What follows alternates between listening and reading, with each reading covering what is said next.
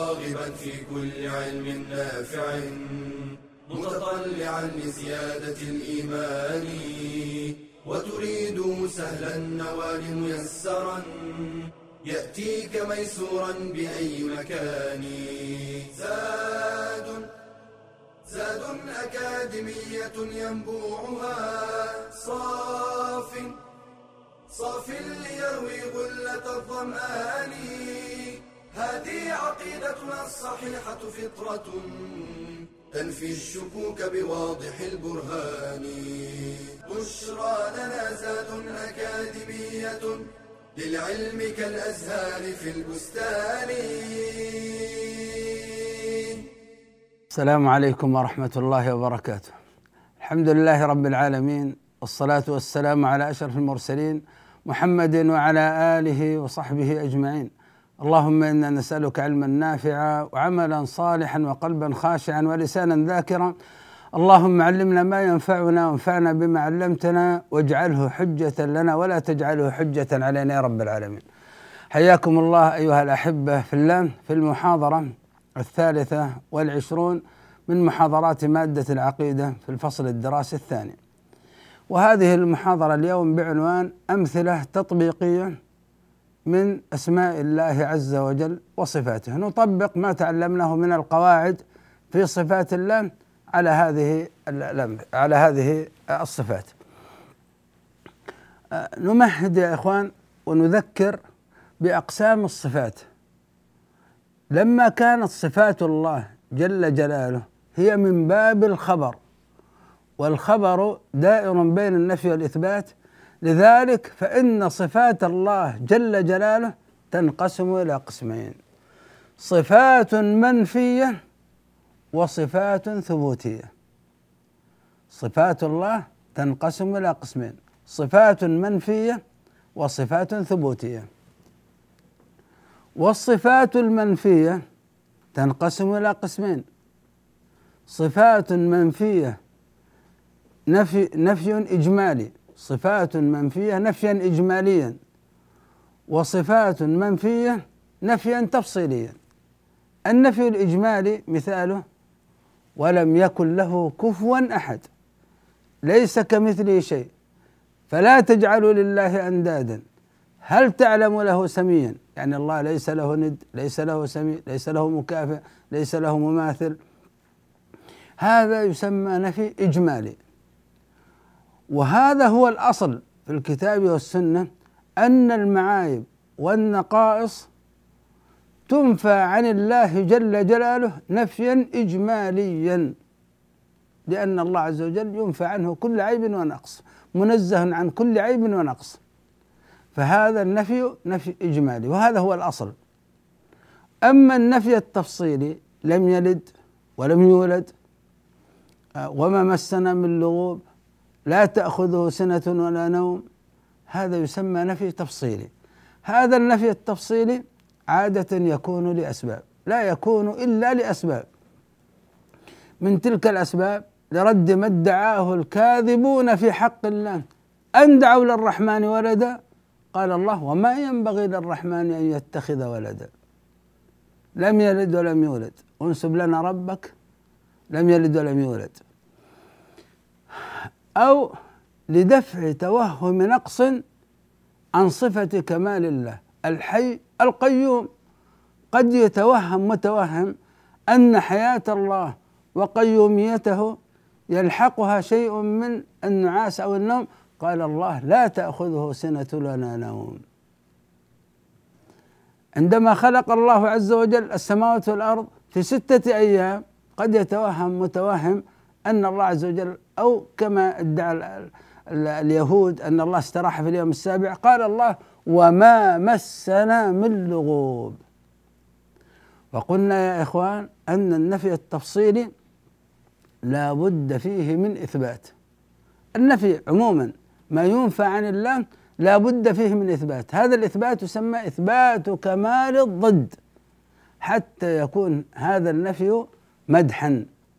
لا يكون النفي مدحا إلا إذا أثبتنا كمال ضده.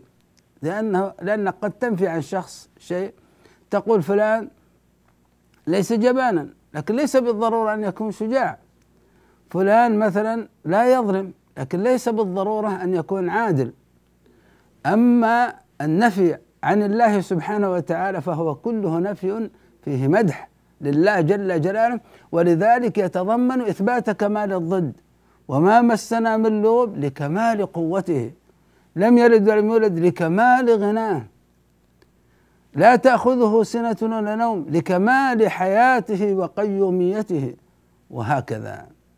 إذا لا بد النفي أن يتضمن إثبات كمال الضد. هذا بالنسبة للصفات المنفية. أما الصفات الثبوتية فتنقسم إلى قسمين. صفات ثبوتية ثبتت في الشرع. لابد الصفة أن تكون ثابتة في الكتاب والسنة. لكن هناك صفات كما أنها ثابتة سمعا يمكن إثباتها عقلا أيضا مثل صفة العلو. فهذه صفة ثابتة سمعا وهي ثابتة لله عقلا ومثل صفة الحياة والقوة والقدرة والعلم والإرادة. هذه الصفات كما أنها ثابتة لله سبحانه وتعالى سمعا يمكن إثباتها بالعقل أيضا. فهذه تسمى صفات سمعية عقلية. وهناك صفات سمعية. يعني لو لم يردنا السمع لو لم يرد السمع بها ما نثبتها لله جل جلاله لأن العقل لا يمكن أن يتوصل إليها. مثل صفة الاستواء على العرش. مثل صفة المحبة صفة الغضب صفة الرضا صفة السخط صفة الكراهية صفة المقت صفة الوجه صفة اليدين صفة العينين صفة القدم صفة الساق. هذه الصفات سمعية.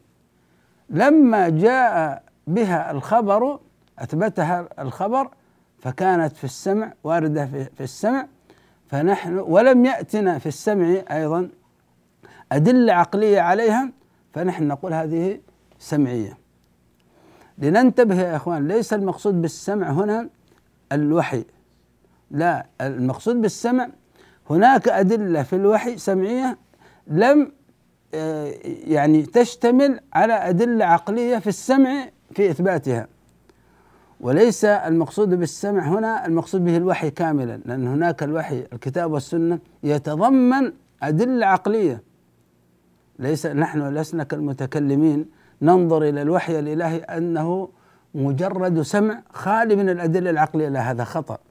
لكن هذا الوحي الإلهي اشتمل على عقائد. ما نحتاج في الع... من تلك العقائد إلى أدلة عقلية عليها فقد جاء الوحي بأدلة عقلية تثبتها. وما كان من العقائد لا نحتاج فيه إلى أدلة عقلية فيأتينا الوحي الإلهي بأدلة سمعية نحن نتوقف ونقتصر على القول بها. المقصود الاستواء على العرش العين القدم الساق هذه الصفات لو لم يردنا بها الخبر ما نستطيع أن نثبتها عقلا لله سبحانه وتعالى. فتسمى هذه أدلة سمعية. هناك أدلة سمعية عقليه جاء الوحي بالأدلة عليها ثم دلل عليها أيضا بالعقل ويمكن نحن أن نصل إلى أدلة عقلية لإثباتها وهناك أدلة سمعية. هذه الصفات الثبوتية هناك صفات ثبوتية ذاتية وهناك صفات ثبوتية فعلية وهناك صفات ذاتية آه، فعليه ذاتية. هناك صفات ذاتية وهناك صفات فعلية وهناك صفات ذاتية فعلية باعتبارين. الصفات الذاتية نقصد بها الملازمة لذات الله ازلا وابدا. مثل صفة الوجه مثل صفة العلو مثل صفة العلم. وهناك صفات فعلية مثل صفة الاستواء على العرش وهي التي تتعلق بمشيئة الله وقدرته تقوم بذات الله بمشيئته وقدرته. تسمى اختيارية. وهناك صفات ذاتية. باعتبار الجنس هي ذاتية وباعتبار الآحاد هي فعلية مثل صفة الكلام. سنعود إن شاء الله بعد الفاصل لاستكمال هذه القضية.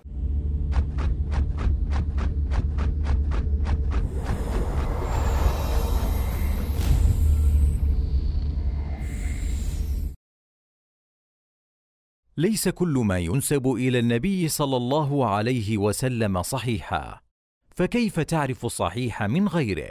عن طريق علم مصطلح الحديث والحديث النبوي هو ما أضيف إلى النبي صلى الله عليه وسلم من قول أو فعل أو تقرير أو وصف والحديث الصحيح هو ما رواه عدل تام الضبط بسند متصل وسلم من الشذوذ أي مخالفة من هو أرجح منه ومن العلة القادحة وهي أمر خفي يقدح في صحة الحديث ومثله الحديث الحسن غير أن راويه خفيف الضبط.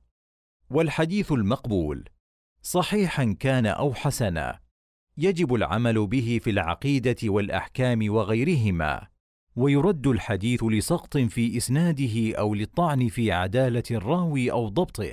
والحديث الضعيف لا يعمل به إلا بشروط. ألا يكون شديد الضعف أن يندرج تحت أصل معمول به ألا يعتقد عند العمل به ثبوته بل يعتقد الاحتياط. ويجوز رواية الحديث بالمعنى بشروط. اولا أن تكون من عارف بمعناه. ثانيا أن تدعو الضرورة إليها. ثالثا ألا يكون متعبدا بلفظه كألفاظ الأذكار ونحوها. فاحذر من الأحاديث الباطلة ولا تنشرها في مواقع التواصل أو غيرها. فإن النبي صلى الله عليه وسلم قال من حدث عني حديثا وهو يرى أنه كذب فهو أحد الكاذبين.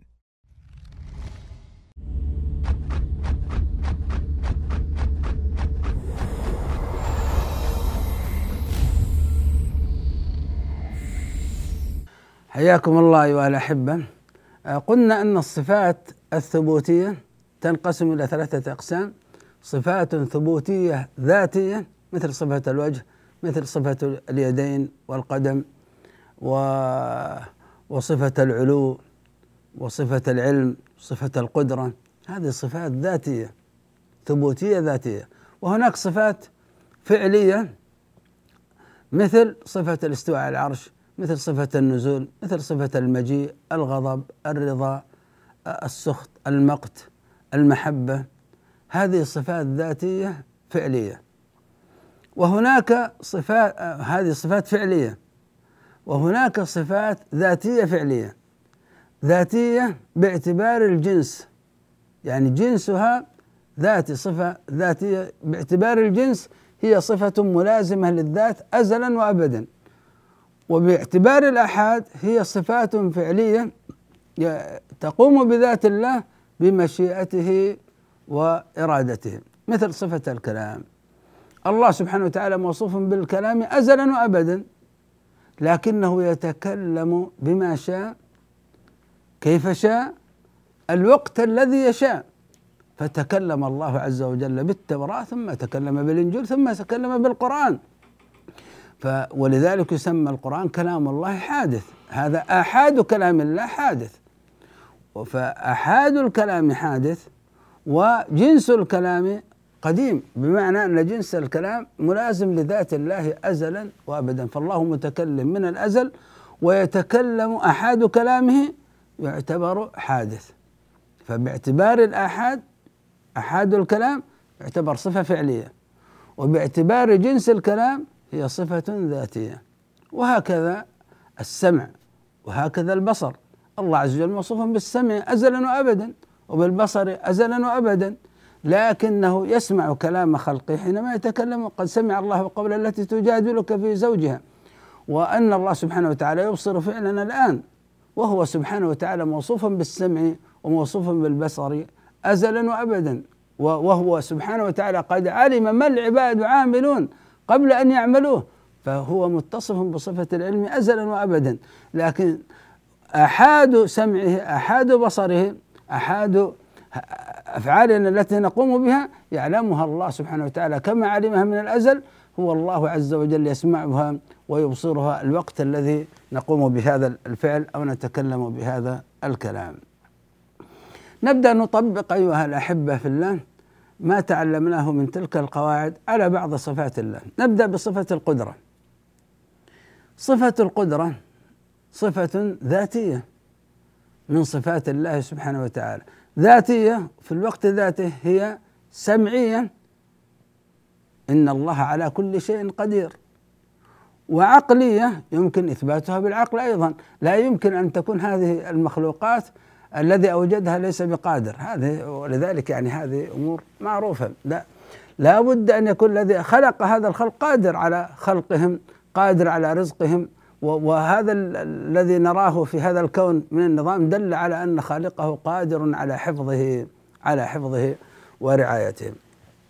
ولذلك تسمى صفة القدرة صفة سمعية عقلية ذاتية. والنبي صلى الله عليه وسلم علم عثمان بن أبي العاص عندما جاءه يشتكي من وجع كاد أن يهلكه وهذا الوجع ملازم له منذ أن أسلم وهو يشكو منه فقال له النبي صلى الله عليه وسلم ضع يدك على المكان الذي يؤلمك الذي يعني تتألم منه. ثم قل بسم الله ثلاثا بسم الله بسم الله بسم الله. ثم قل قل أعوذ بعزة الله وقدرته من شر ما أجد وأحاذر. أعوذ بعزة الله وقدرتها القدرة. العزة القدرة. هنا استعاذ بصفتين من صفات الله سبحانه وتعالى صفة العزة وصفة القدرة. صف والشاهد هنا صفة القدرة. فاستعاذ بقدرة الله جل جلاله القادر على الشفاء سبحانه وتعالى أن يشفيه. من هذا البلاء الذي كاد أن يهلكه. فقال هذا الدعاء سبع مرات بسم الله ثلاث مرات وهذا الدعاء سبع مرات فشفاه الله سبحانه وتعالى من هذا الوجع الذي أصابه. وكان عثمان يعلم رضي الله عنه يعلم أهله هذا الدعاء ويعلم غيرهم. هذا الدعاء لما فيه من هذا الأمر العظيم. أيها الأحبة في الله الله سبحانه وتعالى موصوف بصفة القدرة. والله سبحانه وتعالى من أسمائه القادر والقدير والمقتدر. عندما يعلم الإنسان أن ربه سبحانه وتعالى موصوف بصفة القدرة. وهو القادر والقدير والمقتدر. ما أثر هذه المعرفة عليه؟ من قدرة الله سبحانه وتعالى أنه يأتي بالشيء من غير سببه. من قدرة الله سبحانه وتعالى أنه يبطل مفعول السبب. من قدرة الله سبحانه وتعالى أن أنه يضاعف جل جلاله نتيجة هذا السبب ويجعل هذا السبب أقوى بكثير مما هو عليه في الواقع. هذا من قدرة الله. لا شك أنه من حكمة الله جعل لكل شيء سببا. لكن من قدرة الله سبحانه وتعالى أنك تأتي بالسبب والسبب ينجز لك شيء يسير لكن الله سبحانه وتعالى قدير على أن يبارك هذا السبب فيجعل فيه من القوة والتأثير أضعاف أضعاف ما هو عليه في الواقع.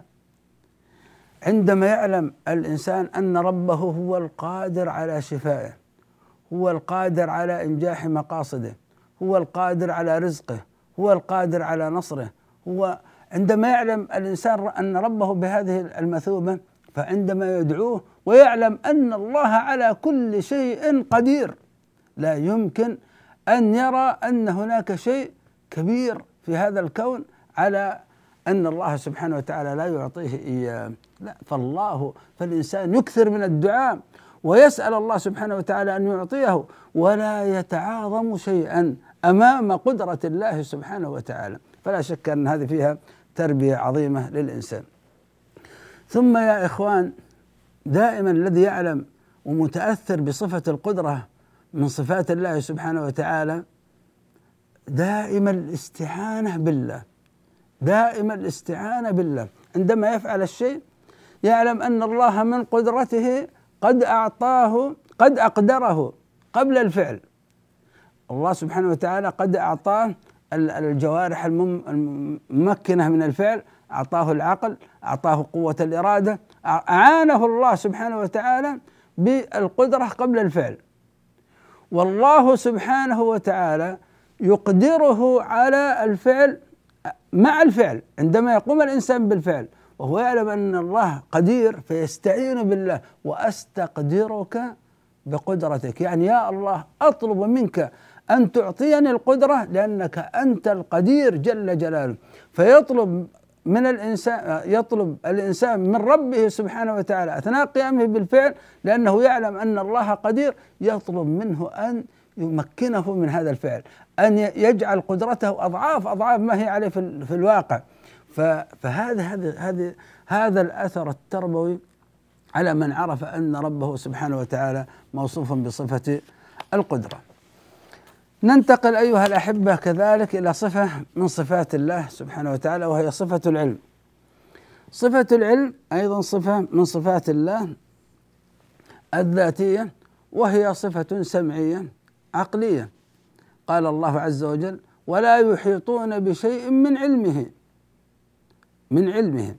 وقال الله أو قال صلى الله عليه وسلم في الدعاء دعاء الاستخارة اللهم إني أستخيرك بعلمك وأستقدرك بقدرتك. أستقدرك بقدرتك تحدثنا عنها. أستخيرك بعلمك أطلب منك أن تختار لي لأنك أنت العليم بما فيه الخير وما فيه المصلحة لي. نأخذ إن شاء الله فاصل ثم نكمل الكلام عن صفة العلم بمشيئته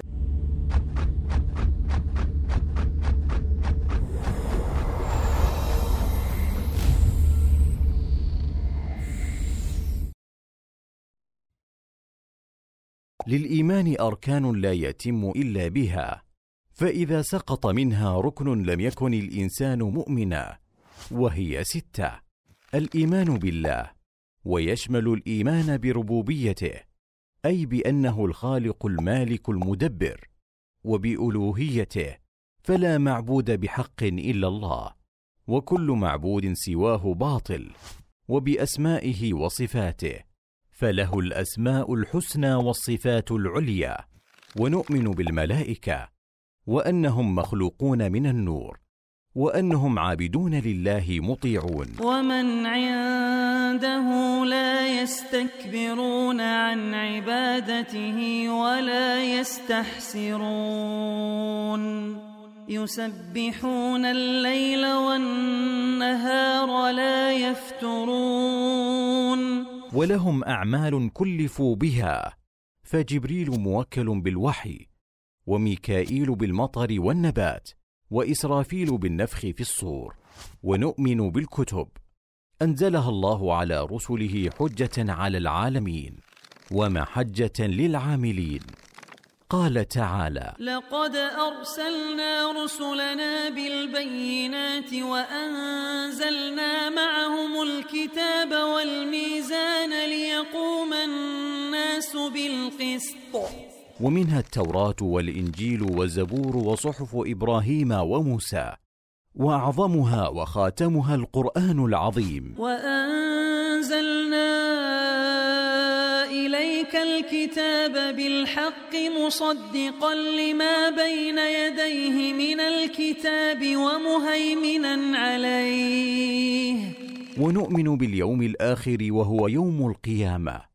ونؤمن بما فيه من البعث والحشر وصحائف الأعمال والميزان. والحساب والصراط والحوض والشفاعة والجنة والنار. ونؤمن بالقدر خيره وشره. وهو تقدير الله تعالى للكائنات حسب ما سبق به علمه واقتضته حكمته وله أربع مراتب العلم والكتابة والمشيئة والخلق. فثبت إيمانك بالعلم والعمل واحذر من شبهات المشككين. ربنا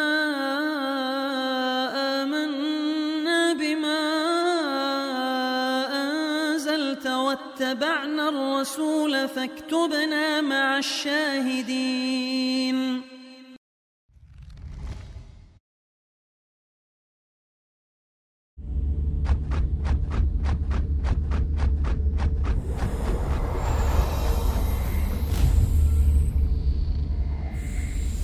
حياكم الله أيها الأحبة في الله. قلنا أن صفة آه، العلم صفة ذاتية وهي سمعية لأنها وردنا بها السمع وهي عقلية كذلك. عقلية من ناحية ما نراه في هذا الكون من الإحكام والإتقان. هذا الإحكام والإتقان الموجود في هذا الكون دل على أن خالقه عالم وعليم سبحانه وتعالى وعلام جل جلاله. كذلك يا إخوان العلم صفة كمال. صفة كمال لا نقص فيه بوجه من الوجوه وقد اتصف به المخلوق. فالخالق اتصافه بالعلم من باب أولى. هذه قاعدة عندنا. كل كمال اتصف به المخلوق وهو لا نقص فيه بوجه من الوجوه فالخالق أولى به. فلما كان صفة العلم صفة كمال لا نقص فيه بوجه فكان اتصاف الله عز وجل به من باب آه، قياس الأولى. هذا عقلا. أيضا يا إخوان معطي الكمال هو أولى به. فالله سبحانه وتعالى هو الذي أعطى الإنسان هذا العلم فهو أولى به سبحانه وتعالى أن يتصف به. فصفة العلم صفة ذاتية وهي آه، سمعية عقلية في الوقت ذاته. أيها الأحبة في الله آه، من أسماء الله جل جلاله العالم والعليم والعلام ومن صفاته صفة العلم. تحدثنا في حلقات مضت عن يعني هذه الصفة وعن الأثر التربوي عليها لا نريد أن نكرر كثيرا في هذا لكن نعلم أن صفة العلم هذه من أعظم الصفات التي ترتقي بالإنسان إلى درجة الإحسان. والإحسان أعظم درجات الدين أعظم مرتبة يرتقي الإنسان إليها من مراتب الدين الإسلامي هي مرتبة الإحسان. وكما يعني تكلمنا وتحدثنا سابقا أن الإيمان آه أن الدين الإسلامي مثله مثل الشجرة. والإيمان بالنسبة للدين الإسلامي كالجذور بالنسبة للشجرة. والإحسان يا إخوان يتعلق بالجذور فيحسن الإنسان في أعمال القلوب يحسن الإنسان في أركان الإيمان ويحسن كذلك في أعمال الجوارح. فلا شك أن الإسلام يتعلق بأعمال الجوارح الظاهرة والإيمان يتعلق بأعمال القلوب الباطنة والإحسان يكون متعلق بالأمرين متعلق بالعقيدة ومتعلق بالشريعة متعلق بالإيمان متعلق بالإسلام. هذا الإحسان كيف يصل الإنسان إليه؟ يصل الإنسان إليه بتعلمه و وتثبيته لصفة العلم في قلبه دائما يتذكر أن الله سبحانه وتعالى بكل شيء عليم. الذي يعلم أن ربه سبحانه وتعالى مطلع على مكنونات صدره فيعلم الله سبحانه وتعالى عقيدته. هل هو مؤمن بالله بربوبيته بألوهيته بأسمائه وصفاته؟ هل هو مؤمن بالملائكة مؤمن بالكتب الرسل اليوم الآخر الإيمان بالقضاء والقدر؟ هل قلبه مليء بحب الله والخوف من الله من وعيد الله والرجاء فيما عند الله التوكل الصبر اليقين هذه الأمور يعلمها الله. قل إن تخفوا ما في صدوركم أو تبدوه يعلمه الله. الذي مستشعر أن الله سبحانه وتعالى مطلع على عقيدته سيحسن هذه العقيدة سيتقنها سيحافظ سيحافظ عليها سيهذبها يبعد عنها الشوائب. ولذلك هذه الصفة صفة في, في غاية الأهمية لإصلاح معتقد الإنسان. وهذه الصفة صفة العلم استشعارها دائما والإيمان بها دائما لها أثر كبير على ما يظهر من الإنسان من أعمال الجوارح في فعل الطاعات. الذي يؤمن أن الله سبحانه وتعالى مطلع عليه في صلاته في صيامه في قراءته للقرآن وما تكون في شأن وما تتلو منه من قرآن ولا تعملون من عمل إلا كنا عليكم شهودا إذ تفيضون فيه. الذي يستشعر اطلاع الله سبحانه وتعالى عليه وهو يفعل الطاعات ما يبالي بعد ذلك باطلاع الناس. تجده يندفع لفعل الطاعات. الذي يستشعر دائما أن الله سبحانه وتعالى يراه ويسمع كلامه ومطلع عليه وعليم به في حال الخلوات لا يمكن أن يقع في المعاصي والمنكرات إلا في حال غيبة استشعار رقابة الله عليه. وإلا من استشعر أن الله مطلع عليه سيبتعد عن المعاصي والمنكرات. ولذلك قال صلى الله عليه وسلم لا يزني الزاني حين يزني وهو مؤمن ولا يسرق السارق حين يسرق وهو مؤمن ولا يشرب الخمر حين يشربه وهو مؤمن. إذا الإنسان غاب عنه استشعار رقابة الله عز وجل عليه ارتكب المعاصي. يستخفون من الناس. ولا يستخفون من الله وهو معهم. لكن هم غابوا عن هذا وهو معهم. إذ يبيتون ما لا يرضى من القول. وكان الله بما يعملون محيطا. لما هذه المعاني غابت عن أذهانهم ورأوا أنهم الآن في خفية عن الناس الناس لا يرونهم بدأوا يدبرون لأهل الإسلام ال ال أنواع الكيد وأنواع العداوات. لماذا؟ لأنه غاب عن قلوبهم وغاب عن أذهانهم استشعار رقابة الله سبحانه وتعالى عليهم. ولا تطع من أغفلنا قلبه عن ذكرنا واتبع هواه وكان أمره فرطا. من الذي ينفرط أمره في المعاصي والمنكرات؟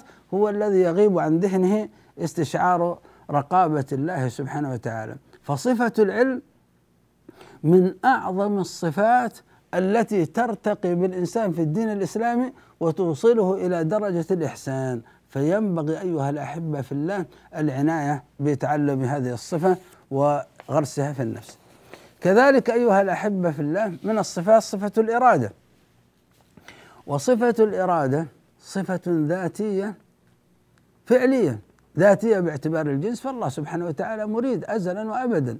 الله سبحانه وتعالى متصف بصفة الإرادة أزلا وأبدا. وهو سبحانه وتعالى يريد آه، الأمور التي تقع وقت وقوعها يريدها بإرادة حادثة. فلذلك آحاد إرادته فعلية وصفة الإرادة صفة ذاتية فالله عز وجل مريد أزلا وأبدا. وأيضا هذه الصفة صفة الإرادة سمعية عقلية. فهي ثابتة في السمع كما قال الله عز وجل فمن يرد الله أن يهديه يشرح صدره للإسلام ومن يرد أن يضله يجعل صدره ضيقا حرجا كأنما يصعد في السماء كذلك يجعل الله الرجس على الذين لا يؤمنون. وقال الله عز وجل ومن يرد الله فتنته فلن تملك له من الله شيئا. أولئك الذين لم يرد الله أن يطهر قلوبهم. لهم في الدنيا خزي ولهم في الآخرة عذاب عظيم. أيها الأحبة في الله إرادة الله تنقسم إلى قسمين. إرادة كونية قدرية وإرادة شرعية دينية.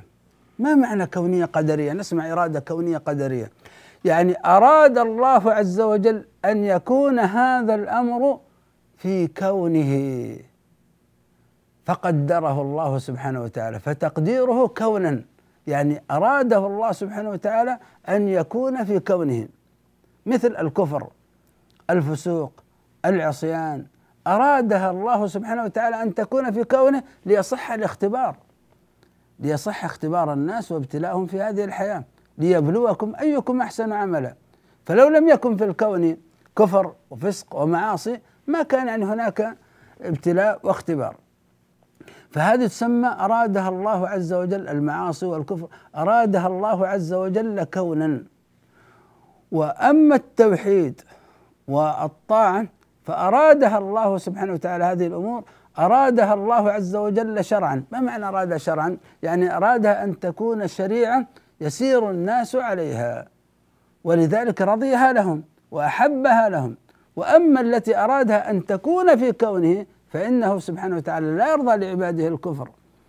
هذه القضية ينبغي أن نتنبه لها الفرق بين الإرادة الكونية والإرادة الشرعية الدينية. فلو سألنا سائل هل الله سبحانه وتعالى أراد المعاصي؟ نقول نعم أراد المعاصي كونا ولم يردها شرعا. أضرب مثال أختم به هذه المحاضرة. لو أن أحد الملوك عنده مملكة وبنى في الداخل عاصمة وزينها ثم قال للرعية ادخلوا العاصمة المهلة لديكم شهر. ثم لم يجبر الناس على دخول العاصمة ولم يمنع بعض الناس من دخول العاصمة وإنما جعلهم مخيرين وقال ادخلوا العاصمة المهلة لديكم شهر. من دخل العاصمة حقق مراد الملك وصار محبوبا عند الملك. ومن بقي خارج العاصمة ما زال تحت سلطة الملك العامة لكنه مبغوض عند هذا الملك. لله عز وجل المثل الأعلى. الله عز وجل هذا كونه أراد أن يكون في كونه الكفر والفسوق والعصيان لكنه قال للناس ادخلوا في التوحيد والطاعة. فمن دخل في التوحيد والطاعة حقق الإرادة الشرعية الدينية وما زال داخل الإرادة الكونية القدرية. ومن رفض فإنه خرج عن إرادة الله الشرعية الدينية لكنه ما زال تحت إرادة الله الكونية. القدرية. أسأل الله سبحانه وتعالى أن يجعلني وإياكم ممن يحققون مرادات الله الشرعية. فمعرفتنا لصفة الإرادة أن الإنسان يبحث عن إرادة الله الشرعية ويقوم بها ويعلم أن من حقق هذه الإرادة الشرعية الدينية أن الله عز وجل يعينه فيشرح صدره وييسر أمره. ويجعله الله سبحانه وتعالى يعينه على فعل هذه المرادات الشرعية التي طلبها الله سبحانه وتعالى منه. أسأل الله سبحانه وتعالى في ختام هذه الحلقة لي ولكم المغفرة والسداد والتوفيق وشرح الصدر وصلى الله وسلم وبارك على عبده ورسوله محمد وجزاكم الله خيرا. يا راغبا في كل علم نافع متطلعا لزيادة الإيمان وتريد سهلا النوال ميسرا يأتيك ميسورا بأي مكان. زاد زاد أكاديمية ينبوعها صاف صاف ليروي غلة الظمآن. هذه عقيدتنا الصحيحة فطرة. تنفي الشكوك بواضح البرهان. بشرى لنا زاد أكاديمية للعلم كالأزهار في البستان.